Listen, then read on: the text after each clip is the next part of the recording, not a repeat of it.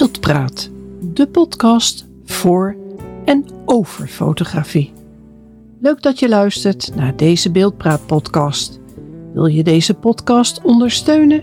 Klik dan op de link onder Buy Me a Coffee. Wil je niets meer missen? Abonneer je dan nu op Beeldpraat en zodra er een nieuwe aflevering online staat, word je op de hoogte gebracht. Uiteraard kun je mij ook volgen op Facebook, Instagram en andere social media. Verdere info over deze podcast staat in de tekst. Heel veel luisterplezier. In deze nieuwe aflevering van Beeldpraat is mijn gast Lars Polder en met hem ga ik het hebben over uh, objectieven. Welkom Lars. Dit is onze derde podcast samen, denk ik zo'n beetje. Dat is hartstikke leuk. Maar nu gaan we het hebben over uh, objectieven. En heb je een objectief nodig om te kunnen fotograferen? Of kan het ook zonder? Ja, in principe um, zou je uh, een plaatje voor op je camera kunnen plaatsen en daar een klein prikje in geven. En dan komt er door dat kleine gaatje komt er gewoon beeld op je sensor en dat kun je vastleggen. Dus uh, dat is natuurlijk het principe van de pinhole fotografie of gaatjescamera. Um, maar het grappige is, er komt door dat kleine gaatje komt zo weinig licht binnen uh, dat je er niet zo goed mee kunt fotograferen. Dus dan zou je kunnen zeggen, dan maak ik dat gaatje wat groter. Dan komt er veel meer licht binnen. Maar dan wordt je beeld onscherp, omdat het licht wat binnenkomt, dat waait uit. Als je er dan een lens in dat gaatje zet, dan komt dat licht weer op één punt. Dus dat is eigenlijk de functie van een lens. Het is een soort lichtverzamelaar die het beeld vormt. Ja. En wat betekenen dan al die getalletjes op een objectief? Ja, meestal staan er, er zijn twee hele belangrijke dingen. Dat is de brandpuntsafstand, dat is het aantal millimeters. Dat is de afstand tussen het midden van de lens en de sensor. En uh, het andere getal, dat is het grootste diafragma. Dat noemen we ook wel de lichtsterkte. En hoe lager dat getal is, des te meer licht komt er binnen. En het is eigenlijk een verhoudingsgetal. Dus als je bijvoorbeeld, stel je hebt een 50 mm lens en de diameter eh, van de lens, het grootste gat, is ook 50 mm, dan heb je diafragma 1, oftewel een lichtsterkte 1. Als je uh, de diameter, stel dat die niet 50 uh, mm is, maar 25 mm, dan heb je dus 1 staat tot 2 50 mm lens. Dus het is een f2 50 mm lens. Dus het is eigenlijk altijd, gaat altijd om een soort verhouding. En uh, op lenzen staat vaak met dubbele puntjes. Dus 1 staat tot 2 of 1 staat tot 2,8. Maar het ook wel, wordt ook wel geschreven als f2 of f-2. Maar het komt allemaal op hetzelfde neer. Ja. En bepaalt dan ook de lichtsterkte de prijs? Nou ja, lichtsterkte, ja, het is natuurlijk, uh, het is, uh, het is een, een, lens extra lichtsterk maken, vereist optisch heel veel, technisch heel veel. En je, vroeger was het zo, je had lenzen met een hele hoge lichtsterkte, maar die waren echt verschrikkelijk slecht. Die waren hooguit in het midden een beetje scherp en aan de randen was het gewoon bagger. Um, een, voor, een beroemd voorbeeld is de Noctilux, Noctu, Noctilux, Noctilux sorry, van Leica. Uh, die had een extreem hoge lichtsterkte. Van, uh, je hebt hem gehad van 0,95. Uh, maar die werd pas echt goed op 5,6. Ja, dan heb je niet zoveel aan die lichtsterkte. Technisch gezien. Maar je gebruikte dat objectief natuurlijk juist voor heel weinig licht, uh, theaterfotografie, et cetera. En dan ging het er vooral om dat het midden van het beeld goed scherp was. Dus het was bruikbaar, maar het was niet heel goed. Tegenwoordig kun je lenzen met een hele hoge lichtsterkte krijgen, die ook nog eens een keer heel goed zijn. Uh, dus daar is alles uit de kast gehaald om dat heel goed te krijgen, maar dat kost dan ook heel veel geld. Ja. Ik wou zeggen, dan uh, moeten we even doorsparen.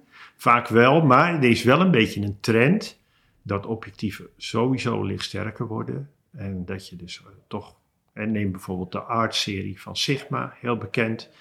Heel veel lenzen met 1,4, prijzen zo rond de 750 euro. Nou, dat is best veel geld, maar als je kijkt voor wat, voor wat voor kwaliteit je hebt en hoe lichtsterk dat is, is het toch wel bijzonder. Ja. ja, ik heb ze zelf ook. Wat me wel opvalt is dat ze best wel zwaar zijn, of tenminste het gewicht is redelijk. Ja, Ja, dat komt natuurlijk omdat uh, voor die hoge lichtsterkte heb je een glas nodig met een hele grote diameter. Dus het zijn allemaal grote zware lenzen. En om het goed te krijgen moet je wat extra lensenstelseltjes nog weer toepassen. Dus dat maakt het allemaal wel uh, duur. Maar het is ook wat je dus nu op dit ogenblik ook veel ziet, is dat lenzen uh, zwaarder aan het worden zijn. Omdat de eisen technisch nog veel hoger liggen als 20 jaar geleden. Omdat we nu beeldsensoren hebben met bijvoorbeeld 60 miljoen pixels. Dan moet je echt alles uit de kast halen om daar een scherp beeld mee te krijgen. Uh, en dat betekent dat kwaliteit nummer 1 is op het wensenlijstje van de fabrikant en dat compactheid helemaal onderaan staat. Als je bijvoorbeeld een 1,450 van 20 jaar geleden ziet van Nikon of Canon, dat is gewoon een klein lensje, nauwelijks groter dan een 1,850. Als je daar zo'n Sigma Art naast zet, die is gewoon twee keer zo dik en twee keer zo lang. Terwijl het technisch dezelfde specificaties zijn. Ja, en komt het ook doordat uh, er meer, je ziet wel eens bij de specificaties van het objectief zoveel groepen. Ja, dus uh, kijk, je kan met één lens kan je beeld maken, maar dat is niet zo goed. Dus dan zet je er een tweede lens bij, dan wordt het iets beter. Die, die, eerste, die tweede lens die heeft de foutjes op van de eerste lens, zeg maar. Nou, en zo kun je doorbouwen aan een optisch systeem. En er zijn nu zoomlenzen met wel twintig verschillende lenselementen. Maar het aantal lenselementen is absoluut geen kwaliteitskenmerk. Nee. En wat je tegenwoordig hebt, dat je bijvoorbeeld een speciale techniek als asferische lenzen dan kun je met één asferische lens kun je, uh, de functie van drie conventionele lensjes uh, krijgen. Dus er zijn allerlei trucs mogelijk om het toch nog een beetje beperkt te houden. Want wat bepaalt dan uiteindelijk de kwaliteit van een objectief? Nou, dat, zijn, uh, dat is het totale ontwerp natuurlijk. Dat zijn de glassoorten die erin toegepast worden. Uh, toepassing van asferische elementen. Er zijn uh, speciale glassoorten met speciale karakteristieken die bijvoorbeeld chromatische aberratie kunnen opheffen. Nou ja, hoe meer daarin geïnvesteerd wordt, hoe beter een objectief kan zijn. Ja. Dat, dat is het eigenlijk. Ja, maar ook het materiaal van, de, van, de, van het objectief zelf. De ene is misschien kunststof, ja. de andere is van aluminium. Ja, er wordt natuurlijk, uh, de, zeg maar, de, de hele constructie uh, speelt ook een rol. Maar er zijn bijvoorbeeld goedkope lenzen op de markt, waarbij zelfs, ja, dus de hele vatting is van kunststof en zelfs de bajonetvatting is van kunststof. Maar er zit gewoon wel goed, goed glas in. Dus je kan er wel scherpe foto's mee maken. Maar je moet hem niet laten vallen of je moet er niet ergens tegen aanstoten, want dan ligt hij in tweeën. Dan heb je ook nog dat objectieven de ene wat meer dan de ander bokeh hebben. Ja. En hebben we dat alleen bij portretlenzen of uh, en wat is bokeh precies? Ja, bokeh is een beetje een uit de bocht gevlogen begrip. Uh, bokeh heeft te maken met uh, mooie achtergrondonscherpte. Dat is eigenlijk waar het over gaat. Maar uh, het wordt nu ook gewoon gebruikt als een algemeen begrip voor weinig scherpte diepte. En dat vind ik een beetje jammer. Nou, als je weinig scherpte diepte hebt, dan wordt je achtergrond onscherp. Maar bij een lens met een goed bokeh krijg je dan een mooie, zachte, fluwelen achtergrond. En bij een lens met een minder goed bokeh zit er heel veel onrust in die onscherpte. En dat is echt een belangrijk onderscheidend element als je objectieven gaat vergelijken.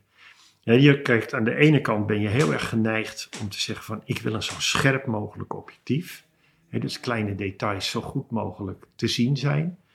Maar uh, ja, als je graag met hoge, uh, grote openingen, dus lage diafragmagetallen wilt werken, uh, bijvoorbeeld de 85 mm 1.4 of zo, die je voor portret gebruikt, dan wil je onscherpe achtergronden hebben, maar dat moet dan ook wel mooi, glad, zacht zijn. En dat, uh, dus dan, dan wil je een lens hebben met een mooi bokeh. Ja. En dat, eh, dat krijgen ze onder andere, dat kan aan allerlei dingen liggen, maar een van de belangrijkste factoren daarin is de vorm van de diafragmaopening.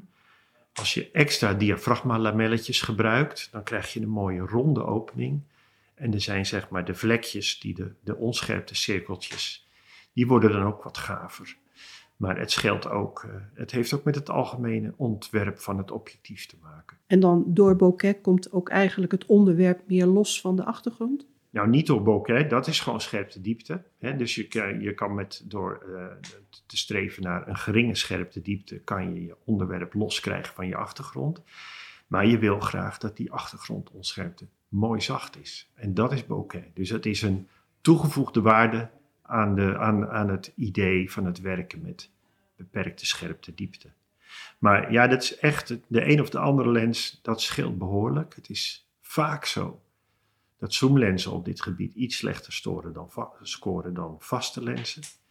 Maar zoomlenzen worden ook op dit gebied wel steeds beter. Ja, en zijn prime objectieven beter dan zoom? Nou, dat is wat ik, ja, dus uh, vast brandpunt, dat was vroeger absoluut zo. Tegenwoordig, als je kijkt naar de prestatie van de scherpte, dan uh, zijn vaak zooms, die kunnen het vaak net zo goed doen als, uh, als vaste lenzen. Alleen heb je bij een zoom heb je wel een bepaald bereik hè, van de korte brandpuntsafstand naar de lange brandpuntsafstand. En het kan zijn dat die kwaliteit, die karakteristieken, door het hele zoombereik heen verschillen. dus er zijn lenzen die het bijvoorbeeld in de groothoekstand lekker pittig tekenen, maar als je inzoomt, dat het wat softer wordt. Of andersom. Dus dat is nogal gecompliceerd. Uh, vaste lenzen, ja, daar kan je niet zoomen. Als je een prime hebt of een vast, vast brandpuntlens, dan zoom je met je benen. Je loopt er naartoe of je loopt naar achteren.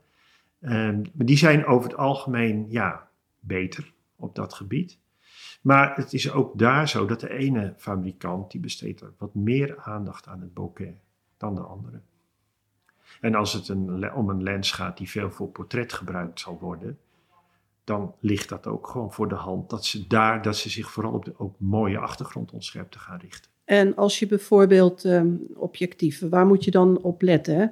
Ik heb een cropcamera of ik heb een full frame camera. Uh, kan ik die objectieven gewoon van het ene op de andere swappen? Of uh, moet ik ergens op letten? Ja, soms kun je wel uh, wat heen en weer schuiven. Uh, het is zo dat een lens die wordt uh, ontworpen voor een bepaalde sensorgrootte. Dus lenzen die uh, voor fullframe bedoeld zijn, die leveren een grote beeldcirkel op, die leveren een groot beeld op. Nou, het is geen probleem als je daar een camera achter gaat hangen met een kleine beeldsensor, want die past daar gewoon makkelijk in. Andersom heb je wel een probleem als je een lens hebt, bijvoorbeeld voor APS-C-formaatcamera, die maakt een klein beeldje en als je die dan voor een lens, een camera met een grote sensor houdt, dan krijg je foto's waarbij de hoeken van het beeld niet gevuld worden. Uh, er zijn camera's die het snappen als er zo'n lens op komt en die schakelen dan automatisch over. Dus dan krijg je het niet eens te zien dat je met een kleiner deel van je sensor werkt. Maar je moet er natuurlijk wel rekening mee houden dat je dan bijvoorbeeld niet meer met 24 miljoen pixels fotografeert, maar met 14 miljoen pixels. Dus je camera wordt dan eigenlijk omgezet naar APS-C. Ja. En hoe merk je dat dan, uh, of hoe kom je erachter dat een objectief op een crop kan en op een full frame? Nou, soms bij sommige merken uh, zorgen ze ervoor dat je hiermee geen fouten kan maken, omdat het niet, niet klikt. Uh, je kan het vaak zien aan de aanduiding, hè, bijvoorbeeld bij Canon EF-lenzen. Dat zijn full frame lenzen EFS-lenzen zijn kroplenzen, dus voor de kleinere sensor. Uh, Nikon heb je DX en FX. FX voor de grotere sensor, DX voor de kleinere sensor. Sony heb je E en FE. Dus uh, je kunt daar kun je het wel aan afzien. Vaak is het bij de gespecialiseerde lenzenfabrikanten nog wat lastiger. Tamron maakt er, is er niet heel duidelijk over. Dus dan moet je even goed in de documentatie duiken of je belt even met cameraland. Ja, dat is altijd het beste natuurlijk. Sowieso. Ja. Nou, nu hebben we het nog niet eens gehad over de soorten objectieven. Want je hebt natuurlijk groothoek, te, uh, telezoom, macro, fisheye, tilt shift. Nou, roep het allemaal maar. Ja. Kan je daar in het kort eventjes een, uh, wat van zeggen? Nou ja, je hebt natuurlijk de groep zoomlenzen. Die kun je, ja, daar heb je, kijk, er zijn mensen die houden niet van het wisselen van lenzen. Dus die kies je voor een universele zoom met een groot bereik bijvoorbeeld Tamron heeft voor de crop-camera's een 18 tot 400 mm. Nou, als je die op je camera zet, heb je eigenlijk met één camera en één lens een complete foto-uitrusting in één. Zo'n lens is dan wel minder lichtsterk. Dus ons advies is altijd van koop daar op den duur wel een lichtsterke prime naast. En zo kun je een leuk setje opbouwen. Uh, even doorgaan op, op het idee van de, van de zoom-objectieven. Uh, je hebt vaak een standaard zoom bij de camera. Dat is iets van 18 tot 55. Hè, van licht groothoek tot licht telen. Met zo'n drie keer zoom over het algemeen. Ja, dat is meestal niet het enige objectief wat je wil hebben.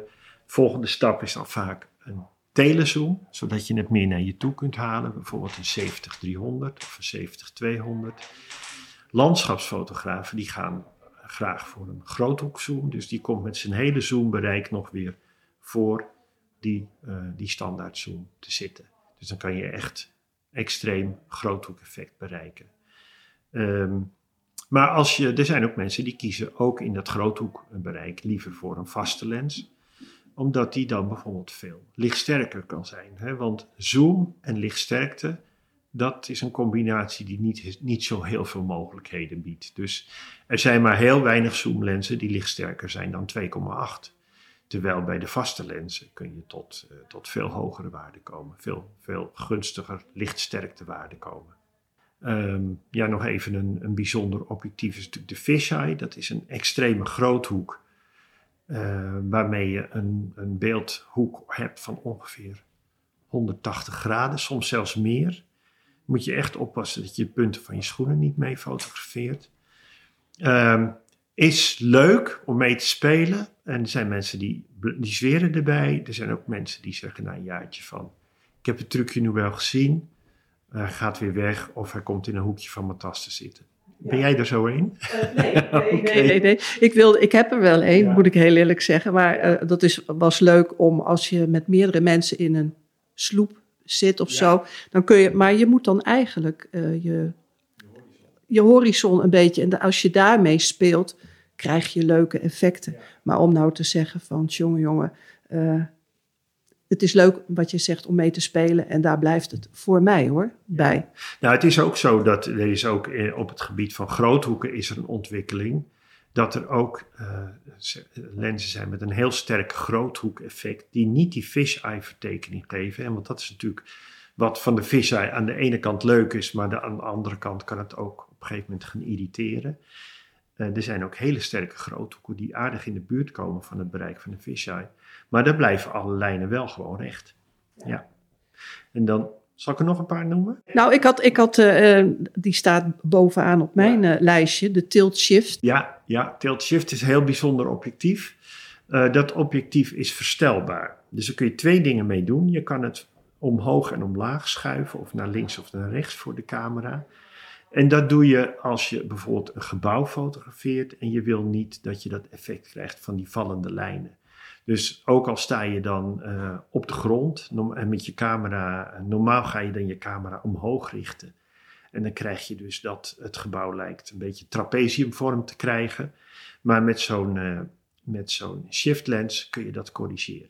Dus dat is natuurlijk heel mooi. En dan, dat is technisch interessant. Uh, creatief interessant voornamelijk is het tilten. Dan kun je de lens ten opzichte van de sensor kantelen.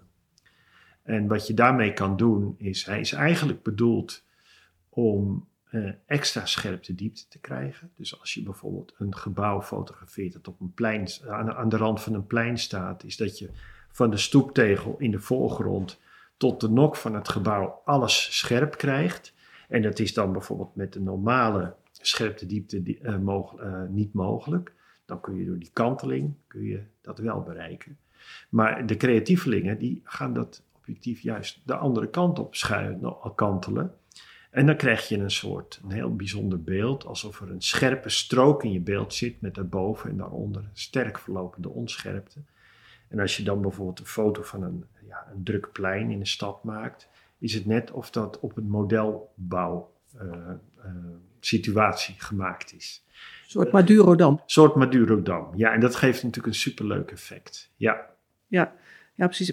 Moet je het alleen, of kan je het alleen gebruiken voor gebouwen, of kan je ook in het gebouw?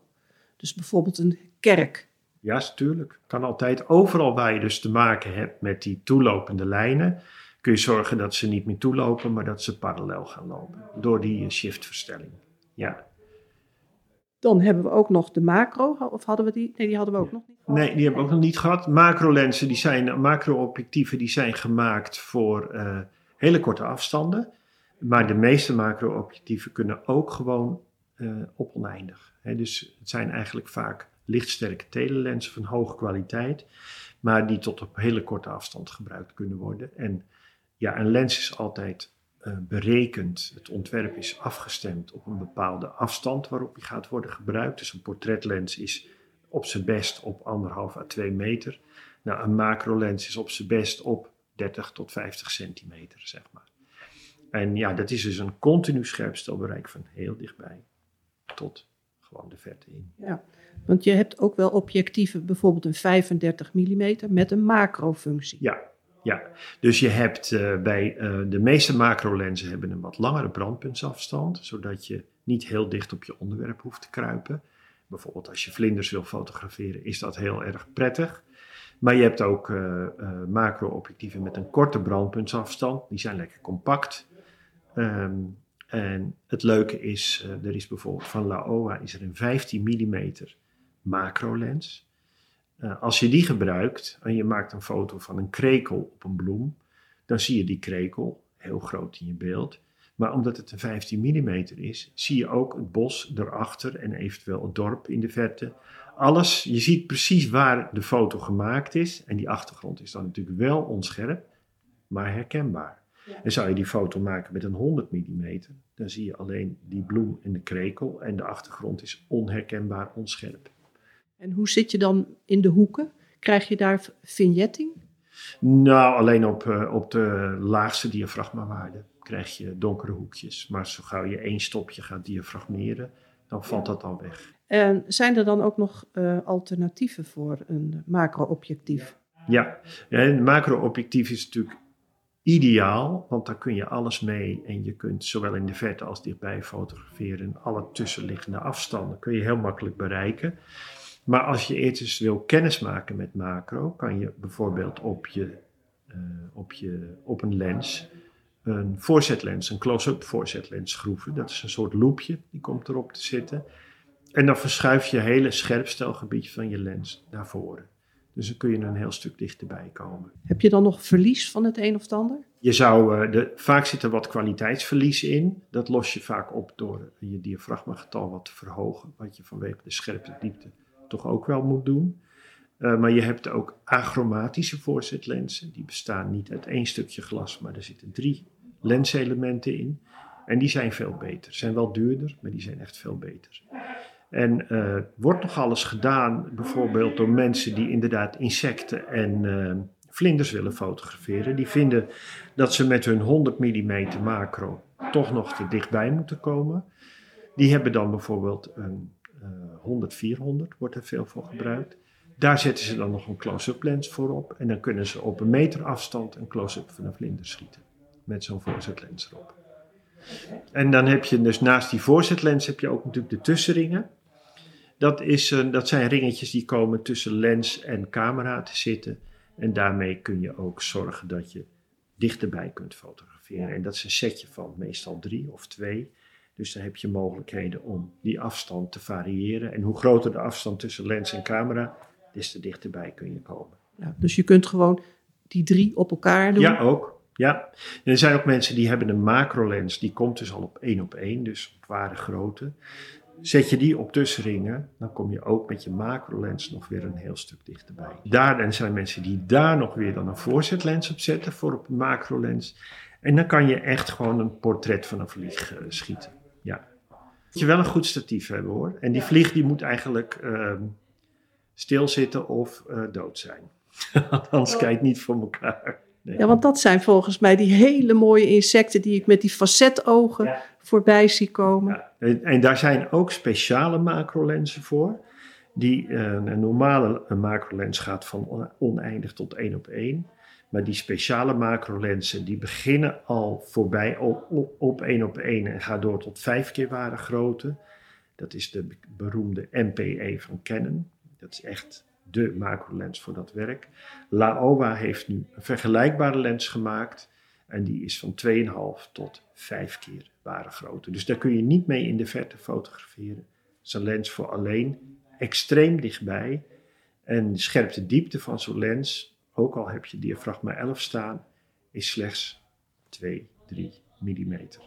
Dus dat moet allemaal, alles moet vaststaan. Het mag niet waaien, er mag geen trilling zijn, et cetera. Ja. ja, dan uh, lijkt het uh, dat de insecten dus uh, eigenlijk niet meer levend moeten zijn. Hè? Nee, er is een levendige handel in, in macro-insecten. Ja.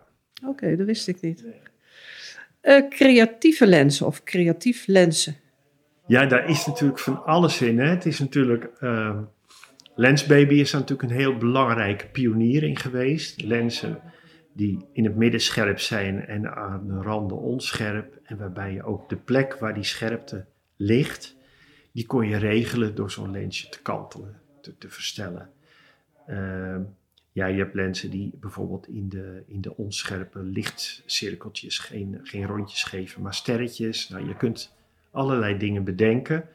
En er is ook... Uh, er wordt, je ziet ook dat bijvoorbeeld oude lenzen uit nou, 100 jaar geleden, 70 jaar geleden, komen soms in een nieuw jasje weer terug, omdat die zo uh, verschrikkelijk slecht waren, dat we het erg leuk vinden om daar nu mee te fotograferen. Omdat ze gewoon heel veel creatieve onscherpte leveren. Dus het beroemde voorbeeld is de Helios lens.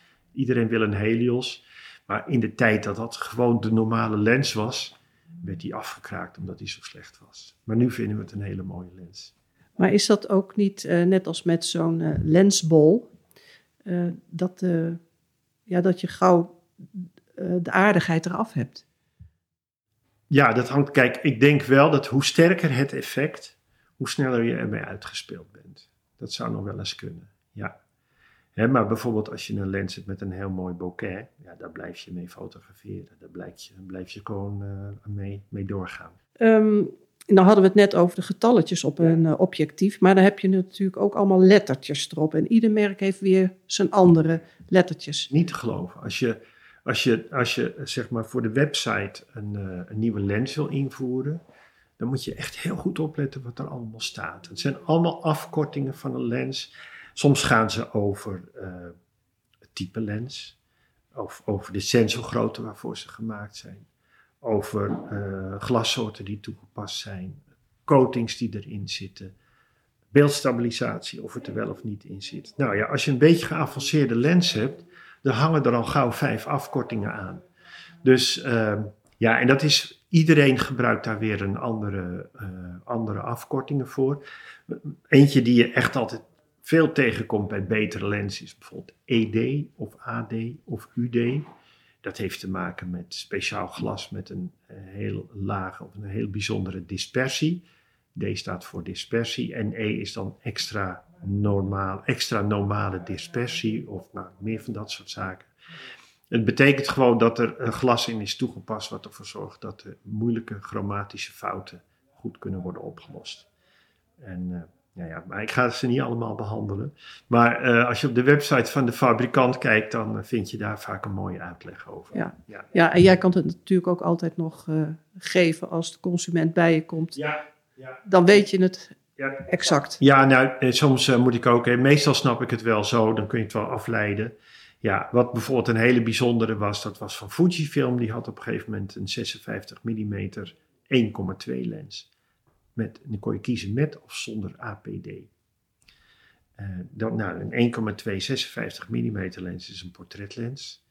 Dus die, uh, die geeft, uh, als je die op volle opening, dus 1,2 gebruikt, een hele onscherpe achtergrond, wat je dus bij portret graag wil.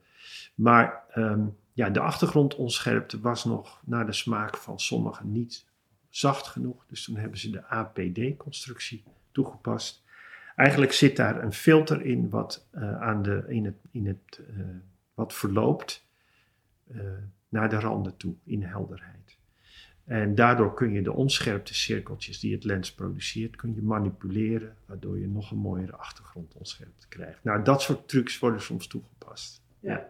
ja. En je hebt tegenwoordig, en dat schiet me nu ook in één keer te binnen, je kan je camera firmware updaten, maar ja. je kan tegenwoordig ook je objectieven firmware op updaten. Ja. Dat was vroeger ook niet. Nee, nee er zijn uh, zeker. Er zijn ook omdat er uh, belangrijke functies in objectieven zitten, bijvoorbeeld beeldstabilisatie. Uh, maar lens en camera die werken tegenwoordig steeds meer met elkaar samen. En bijvoorbeeld de meeste lenzen die geven vertekening. Dat wil zeggen, als je een gebouw fotografeert met rechte randen, in de groothoekstand ziet het er eigenlijk uit als een tonnetje. En als je inzoomt, wordt het een soort kussentje. Uh, maar dat krijgen we niet meer te zien, want dat wordt er gewoon elektronisch uitgehaald. En daarom moet ook de firmware van camera's regelmatig bijgewerkt worden, omdat er dan weer een nieuw objectief is met andere eigenschappen. Dat moet die camera dan weten. Dus uh, soms kun je dat, mensen die met RAW werken, zien het nog wel eens. Dat in het RAW-bestand uh, zie je soms wel de vertekening en in het JPEG-bestand niet. Maar dat is ook per merk en per camera is dat nog wel weer verschillend.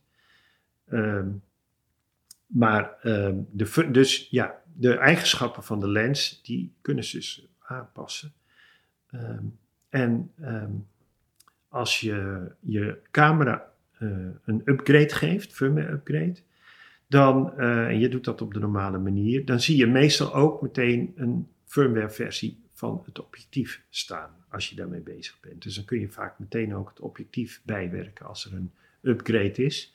En uh, de gespecialiseerde lensfabrikanten zoals Tamron en uh, Sigma, die hebben een dock, een, uh, een soort digitale achterlensdop met een USB-aansluiting. En die werkt samen met software in de camera. En daarmee kun je je lens eventueel upgraden. En je kunt soms ook nog speciale functies toevoegen. Bijvoorbeeld bij Sigma heb je dat, dacht ik. Dat als je op een bepaalde knop drukt, dat die meteen naar een bepaalde afstand springt. Omdat je die graag, omdat je daar vaak veel op werkt. Dat soort zaken. Ja. En of als er een eventuele afwijking in de lens mag zitten, dat je die zou kunnen uh, bijstellen. Ja. Um, en wat ik zo hoor, dan blijft het maar doorontwikkelen. Ja. Objectieven. Ja. Uh, zijn er op dit moment nog bijzondere ontwikkelingen gaande? Er gebeurt echt heel veel. Uh, je leest nog wel eens dat er dan weer ergens aan een universiteit in Amerika, meestal, of ergens in het Verre Oosten, dan hebben ze bijvoorbeeld iets, uh, iets bedacht waarmee je met een soort plat, plat stukje glas, dat je dat de functie van een lens kan geven. Dus een lens heeft een bepaalde dikte en daardoor kan hij de, de lichtstralen van, van richting laten veranderen. Maar ze kunnen dus glas ook zodanig maken dat het ook plat kan zijn. Dat je dus niet die dikte nodig hebt. Dat zijn zo van die dingen. Dat, komt, uh, dat zit voor een deel gaat dat ook heel erg naar de telefoons toe. Want daar moeten natuurlijk, daar zijn ze maar bezig om telefoons meer zoom te geven, terwijl ze toch heel plat moeten zijn. Dus daar wordt naast naar gezocht. Daar, daar komen we ook weer dingen van tegen in de gewone objectieven. Uh, je ziet bijvoorbeeld al uh, bij Nikon en Canon zijn al teleobjectieven. Daar zitten uh, Fresnel elementen in. Dat zijn eigenlijk platte, lens, platte lenselementen met ribbeltjes. Um, en die nemen de functie over van een dikkere lens. Dus daarmee is het mogelijk om lenzen lichter en kleiner te maken, terwijl ze toch een lange brandpuntsafstand hebben. Dat zijn zo wat dingen. De coatings verbeteren. De glassoorten worden steeds nog weer beter. We hebben het met verrekijkers zien we het ook. Je denkt, dit is het beste wat er ooit gemaakt is. En dan komt er een nieuwe generatie, is nog weer beter. Ga met, met lenzen blijft het ook gewoon doorgaan. Ja. ja. Dus we blijven ons iedere keer doorontwikkelen en het blijft iedere keer geld kosten. Ik hoor het al wel weer. Het is, je zit in een trein en ja, je kan heel lang blijven zitten, maar je wordt af en toe wel verleid om, uh, om weer tot nieuwe dingen over te gaan. Zeker, ja. Nou heb, ik, uh, heb je een camera en uh, welk objectief zou je als eerste daarop willen hebben? Ja, ik denk, ja, ik weet niet. Ik heb zelf wel een soort favoriete lens, een lievelingslens. Waar ik, als ik niet, als ik denk van, nou, ik heb zin om gewoon eens lekker wat te fotograferen, ik weet nog niet wat, dan zet ik die erop. Omdat die het mooiste beeld geeft en dat die het mooiste bokeh heeft, bijvoorbeeld. En is, voor mij is dat dan de 55 mm 1.8 voor Sony. Die lens heeft zo'n mooi bokeh, het is net fluweel, is echt geniaal. Maar andere merken hebben dat ook. Dus um, ja, dat is heel persoonlijk natuurlijk. Wat je, maar het is wel leuk als je in je lensuitrusting niet alleen maar lenzen hebt zitten die nuttig zijn, omdat je iets uit de vet naar je toe wil halen of omdat je overzicht wil hebben, maar gewoon een lens waarvan je, die graag pakt, waar je lekker mee fotografeert. En ik denk dat dat heel vaak een prime lens is. En ik zeg, uh, meestal koop je bij je camera, begin je met een zoomlens, een nuttige, handige zoomlens. En misschien komt er nog eentje bij, maar ga toch eens een keer kijken naar een mooie prime, die niet, vooral, ik, meestal, ja, kan dat een kleine lens zijn, waardoor je je totale uitrusting lekker compact hebt. Maar ik had bijvoorbeeld van de, van de week iemand die kwam een Sony 135 mm 1.8 kopen. Hij zei: Ik ben ooit, ik heb één keer met die lens gefotografeerd en het heeft me nooit meer losgelaten. Ik moet die gewoon hebben. En dat is gewoon omdat hij het beeld zo mooi vond, omdat het zo bijzonder eruit zag. En dat is natuurlijk toch ook het leuke als je op een gegeven moment een lens hebt waarbij je dat gevoel krijgt. En dat is voor, dat noem ik one lens only. Je gaat een keer erop uit, je laat je hele tas thuis, één lens erop en je gaat gewoon kijken wat je tegenkomt en wat je daar mooi mee kunt fotograferen. Dat is zo. Dat doe ik ook regelmatig om uh, één lens erop te hebben. En ja, en dan moet je het mee doen, want de andere heb je niet. En als er dan iets gebeurt waarmee je het niet kan, pech gehad. Ja, ja, dat is heel jammer. Ja. Ehm, nou, dan uh, normaal gesproken hebben jullie studiofotografie. Um, welke, welke, ja, dan mag je je camera meenemen en, een, uh, en je objectief. En welk objectief neem ik dan mee? Voor, nou, in studio gaan we waarschijnlijk uit van portret. Dus dan kies je toch het liefst een, uh, een, een korte telen met een hoge lichtsterkte dus op full frame 85, uh, op APS-C 50, hoge lichtsterkte 1,8, 1,4. Dat, dat geeft het mooiste beeld. Dat komt omdat je, en dat, heeft niet, dat komt niet per se door de millimeters, maar dat komt door de, de afstand waarop je fotografeert. Als je een portret, als je iemand in close-up wil fotograferen, dan, is het, dan, dan wordt het beeld het meest natuurlijk weergegeven als je iemand fotografeert op anderhalf, anderhalve meter ongeveer. Nou, de lens waarmee je dat kan doen, dat is de ideale portretlens. Oké. Nou, dan uh, ga ik die cursus een keertje doen. Hè? Dat is een heel goed idee. Um, nou, er is misschien nog veel meer over objectieven te vertellen. Adapterringen van, uh, hè, en dat soort dingen. Ja, daar, ja, je hebt natuurlijk. Mag, mag ik daar nog iets over zeggen? Ja, tuurlijk. Graag. We hebben natuurlijk door de systeemcamera's hebben we te maken met nieuwe bajonetvattingen. Uh, dus dan hebben de fabrikanten ervoor gezorgd dat je de objectieven van je spiegelreflex toch kunt blijven gebruiken op je systeemcamera. En over het algemeen werkt dat gewoon 100%. Um, ehm, tenzij het wat oudere objectieven zijn, dat kan soms een beperking geven. En er zijn ook uh, mogelijkheden om tussen merken dan te switchen. Bijvoorbeeld Sigma heeft een uh, adapter gemaakt waarmee je Canon lenzen op Sony camera's goed kunt gebruiken. Zo zijn er nog wel meer. Uh, lensfabrikanten doen het. Je hebt ook TechArt bijvoorbeeld als een fabrikant van adapters. Die krijgt soms aardige dingetjes voor elkaar. Het werkt soms niet 100%, maar soms, het, het kan soms nuttig zijn. Vooral als je in het verleden flink hebt geïnvesteerd in lenzen en je wil niet alles in één keer overboord zetten om te switchen naar het nieuwe systeem. Met zo'n adapter kan je dan een soort geleidelijk proces uh, in gaan zetten. Ja, nou dat werkt perfect. tenminste bij mij uh, op de systeemcamera met uh, mijn Canon lenzen op de, de R5 of R6 camera van Canon. Ja, precies, dat werkt heel goed. Ja, prima. Zeker, dus ja, ja. Dat kan helemaal. Um, wil je nog wat kwijt? Um, ja, nou, lenzen is gewoon. Um, ja, een, het, het allerbelangrijkste is wel. Als je geld gaat uitgeven, is de camera misschien het eerste waar je aan denkt. Dat is ook belangrijk. Maar de lens maakt het beeld. Lens is gewoon het allerbelangrijkste. Dus, voorbeeld, liever een hele goede lens op een wat oudere middelmatige camera dan andersom. En uh, er zijn echt interessante voorbeelden op dit gebied. Bijvoorbeeld, kijk naar Olympus. Olympus uh, heeft een kleine sensor, worden daar soms een beetje eh, in een hoekje gezet van ah, kleine sensor kan niks wezen. Als je zo'n camera hebt met een van hun pro-lenzen erop, die zo verschrikkelijk scherp zijn en zo mooi tekenen, dan word je daar echt heel blij van als je daar naar kijkt. Dus gewoon een eenvoudig Olympus cameraatje met een hele goede lens, dat geeft echt prachtige beelden. En, uh, maar dat geldt voor elk systeem. Dus zorg vooral voor kwaliteit in je lens als je van een mooi beeld houdt. Oké, nou dat is een mooie afsluiter denk ik. Helemaal goed. Lars, hartelijk dank voor dit uh, gesprek weer even. We gaan uh, misschien weer wat anders verzinnen, TCT weer. En uh, dan wil ik je nu hartelijk bedanken dat je mijn gast hebt willen zijn.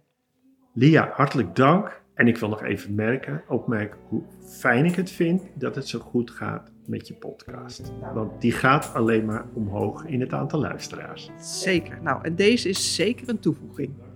Oké, bedankt.